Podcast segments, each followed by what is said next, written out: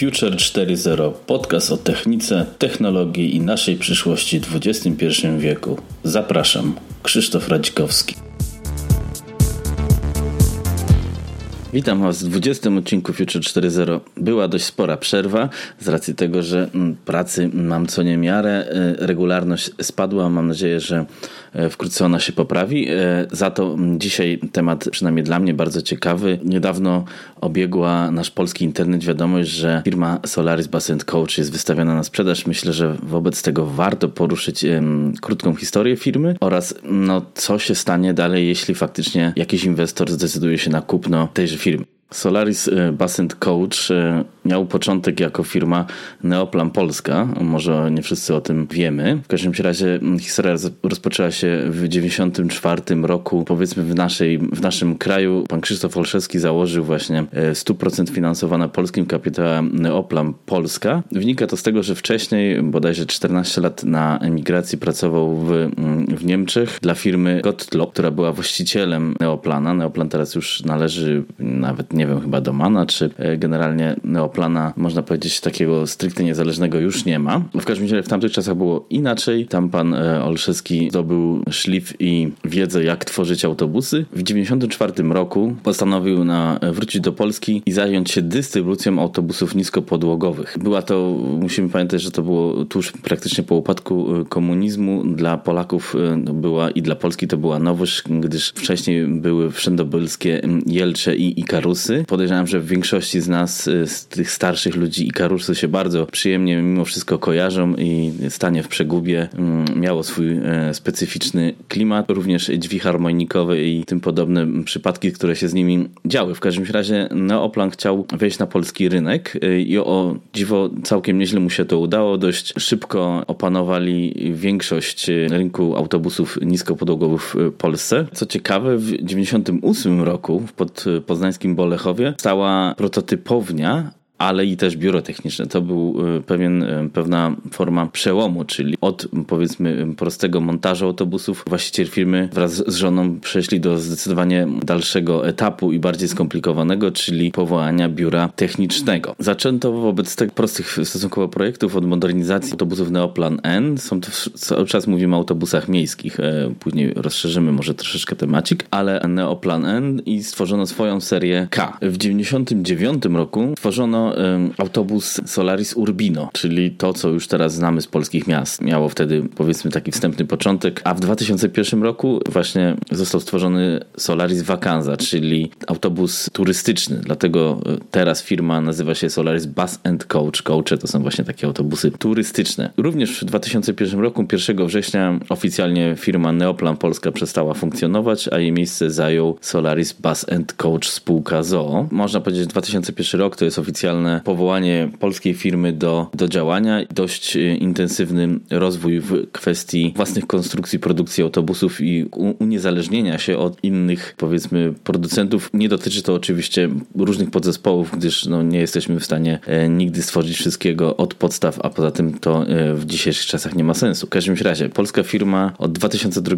roku rozwija drugą generację Urbino oraz turystyczną wspomnianą Wakanzę. Co ciekawe, Wakanzę Kanza, um, która do teraz ma dość ciekawy design, choć jest bardzo mało widoczna na polskich ulicach, a na, w Europie już praktycznie w ogóle. Wygrała konkurs Coach of the Year 2003, więc dla firmy właściwie znikąd, można powiedzieć, postrzeganej na zachodzie na pewno jako firma krzak, było to jednak e, spore wydarzenie. Warto podkreślić, że nasz kraj nie był jeszcze wtedy Unii Europejskiej, a Solaris już zaczął eksportować swoje autobusy do, właśnie do Europy. Co ciekawe, pierwsza wakanza była dwuosiowym autobusem, Następne jej generacje to już trzyosiowe, na jej bazie stworzono też autobusy do krwiodawstwa, czyli mobilne stacje pobierania krwi. Mimo wszystko, mimo fajnego y, designu, no, ciekawego autobusu generalnie, Wakanza nie odniosła raczej sukcesu, co widać właśnie w polskich, y, głównie w polskich miastach w Europie już na pewno nie odniosła, na pewnie z powodów y, były też no nie najlepszy prawdopodobnie serwis, bo na autobus turystyczny to jednak trzeba zapewnić ten serwis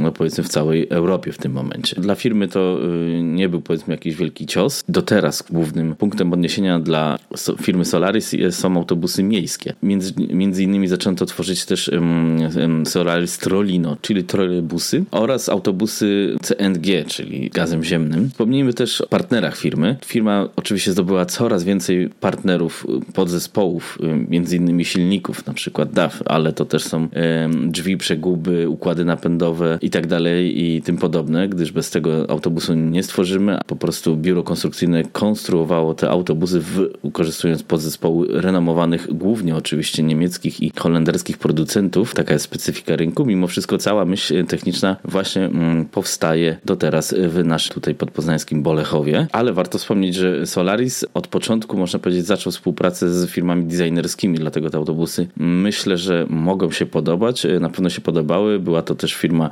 IFS Design, ale nie należy zapomnieć, że z firmą Solaris współpracuje bardzo małe e, biuro konstrukcyjne, polskie, stricte polskie, nieznane myślę dla większości ludzi, DOT 3D, które od wielu lat współpracuje z Solarisem oraz innymi mm, producentami w Polsce autobusów. E, w każdym razie to są takie główne powiedzmy technologiczne informacje, ale nie można zapomnieć, że Solaris to też bardzo duża ilość poddostawców od technologii termoformowania przez technologię blow moldingu, przez technologię spawania innych metalowych, że tak powiem, tematów. Ku Solaris stworzyła się bardzo duża grupa poddostawców dzięki temu Solarisowi oni mogli mm, rozwinąć skrzydła, y, rozwijać się samemu też. To też jest bardzo ważne, gdyż y, jak już y, myślę wiemy, nasz kraj technologicznie no, nie jest wiodącym krajem Europy. Mimo wszystko Solaris właśnie współpracuje z tymi firmami, ale też współpracuje z takimi cenionymi firmami jak Skoda, czy pod polski Metcom w kwestii autobusów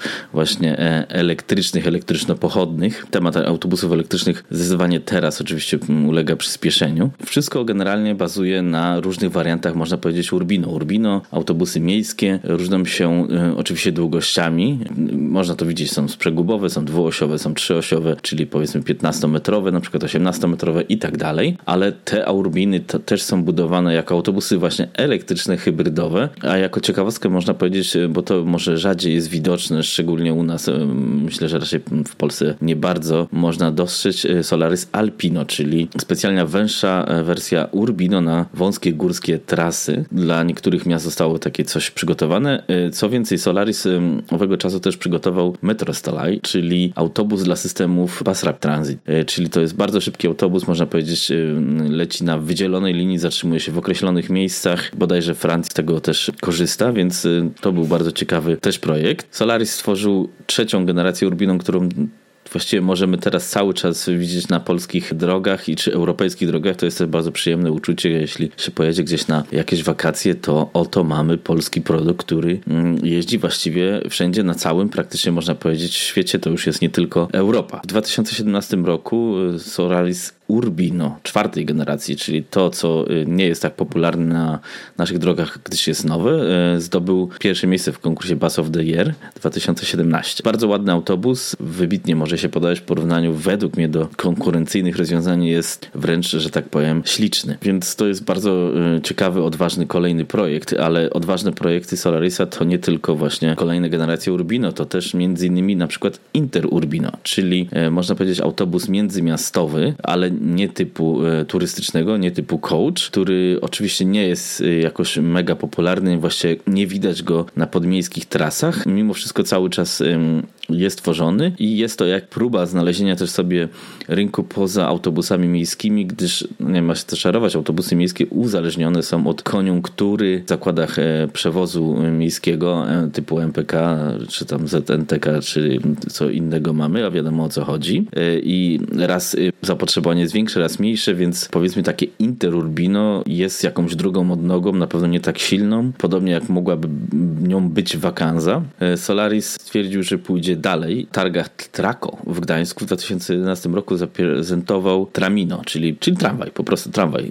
E, firma, która cały czas rozwijała autobusy, postanowiła odkryć nowy temat, zeksplorować nowy rynek, czyli tramwaj, gdzie w Polsce przede wszystkim rozdaje e, karty PESA oraz oczywiście niemieckie niemieccy producenci. Tu mimo wszystko Tramino dużym oporem je, wchodzi, nie, jeździ nie tylko w Polsce, na przykład w Poznaniu, ale jeździ też w Braunschweigu, czyli w Niemczech. Tak więc y, jak widać da się, choć nie był to projekt, o, chociaż na pewno nie jest to projekt albo produkt tak odnoszący sukcesy jak Urbino. Oczywiście to też wynika, że autobus jest dużo tańszym produktem niż y, tramwaj. Mimo wszystko Tramino jest bardzo ładnym tramwajem, całkiem przyjemnie się jeździ, jest w pełni niskopodłogowy, co niekoniecznie może jest wybitnym złotym strzałem, gdyż okazuje się, że firma Modern Trans buduje tramwaje częściowo niskopodłogowe. Okazuje się, nie potrzeba zawsze tramwajów niskopodłogowych. Tramwaje niskopodłogowe są bardzo drogie i w projekcie, i w konstrukcji, i w sprzedaży. E, Tramino istnieje, jeździ, miejmy nadzieję, że ma się e, całkiem dobrze. Powiedzieć, że od 20 paru lat państwo olszewscy stworzyli od podstaw polską firmę rozpoznawalną na całym świecie. Co ważniejsze, jest to firma praktycznie jedyna tak duża firma technologiczna. Oczywiście mamy w naszym kraju firmy, można powiedzieć, technologiczne, czyli CD Projekt czy inne tego typu, ale tu mamy poza powiedzmy rynkiem IT firmę, która tworzy coś w stali, konstruuje i sprzedaje fizyczny, faktyczny produkt, czego w Polsce praktycznie nie ma. Jest no, wspomniana PESA, jest załóżmy Melex, jest ten Modern Trans, który poza Polskę nie wyszedł, ale tak sukcesywnej, potężnej powiedzmy firmy, można wręcz, wręcz korporacji, my jako Polacy praktycznie nie mamy. Tym bardziej e, właśnie wieść o sprzedaży Solarisa, chęci sprzedaży Solarisa e, jest no, bardzo według mnie niepokojąca. Na pewno firma miała sporo potknięć, e, jak każda firma. Nie byli się ten, kto nic nie robi, czyli ta wakanza nie była tym, czym powinna być. Nie przetarła szlaku, szlaku, szlaków dla firmy w zakresie autobusów coach. Tramino wchodzi na rynek jednak nie jest, nie odnosi jakiejś, wydaje mi się, popularności znacznej. Co ciekawe, warto wspomnieć, że od 2017 roku powstała spółka joint venture Solaris Czyli połączenie Solarisa i firmy szwajcarskiej Staller Rail, która zajmuje się właśnie tematem Tramino. Być może to uskuteczni próby osiągnięcia większego udziału w rynku. Powstaje pytanie, co z Solaris Bus? Sprzedaż, tak wspomniana, jest dość niepokojąca. Pytanie jest, czy jest sens sprzedawać, można powiedzieć, kurę złożoną złote jajka.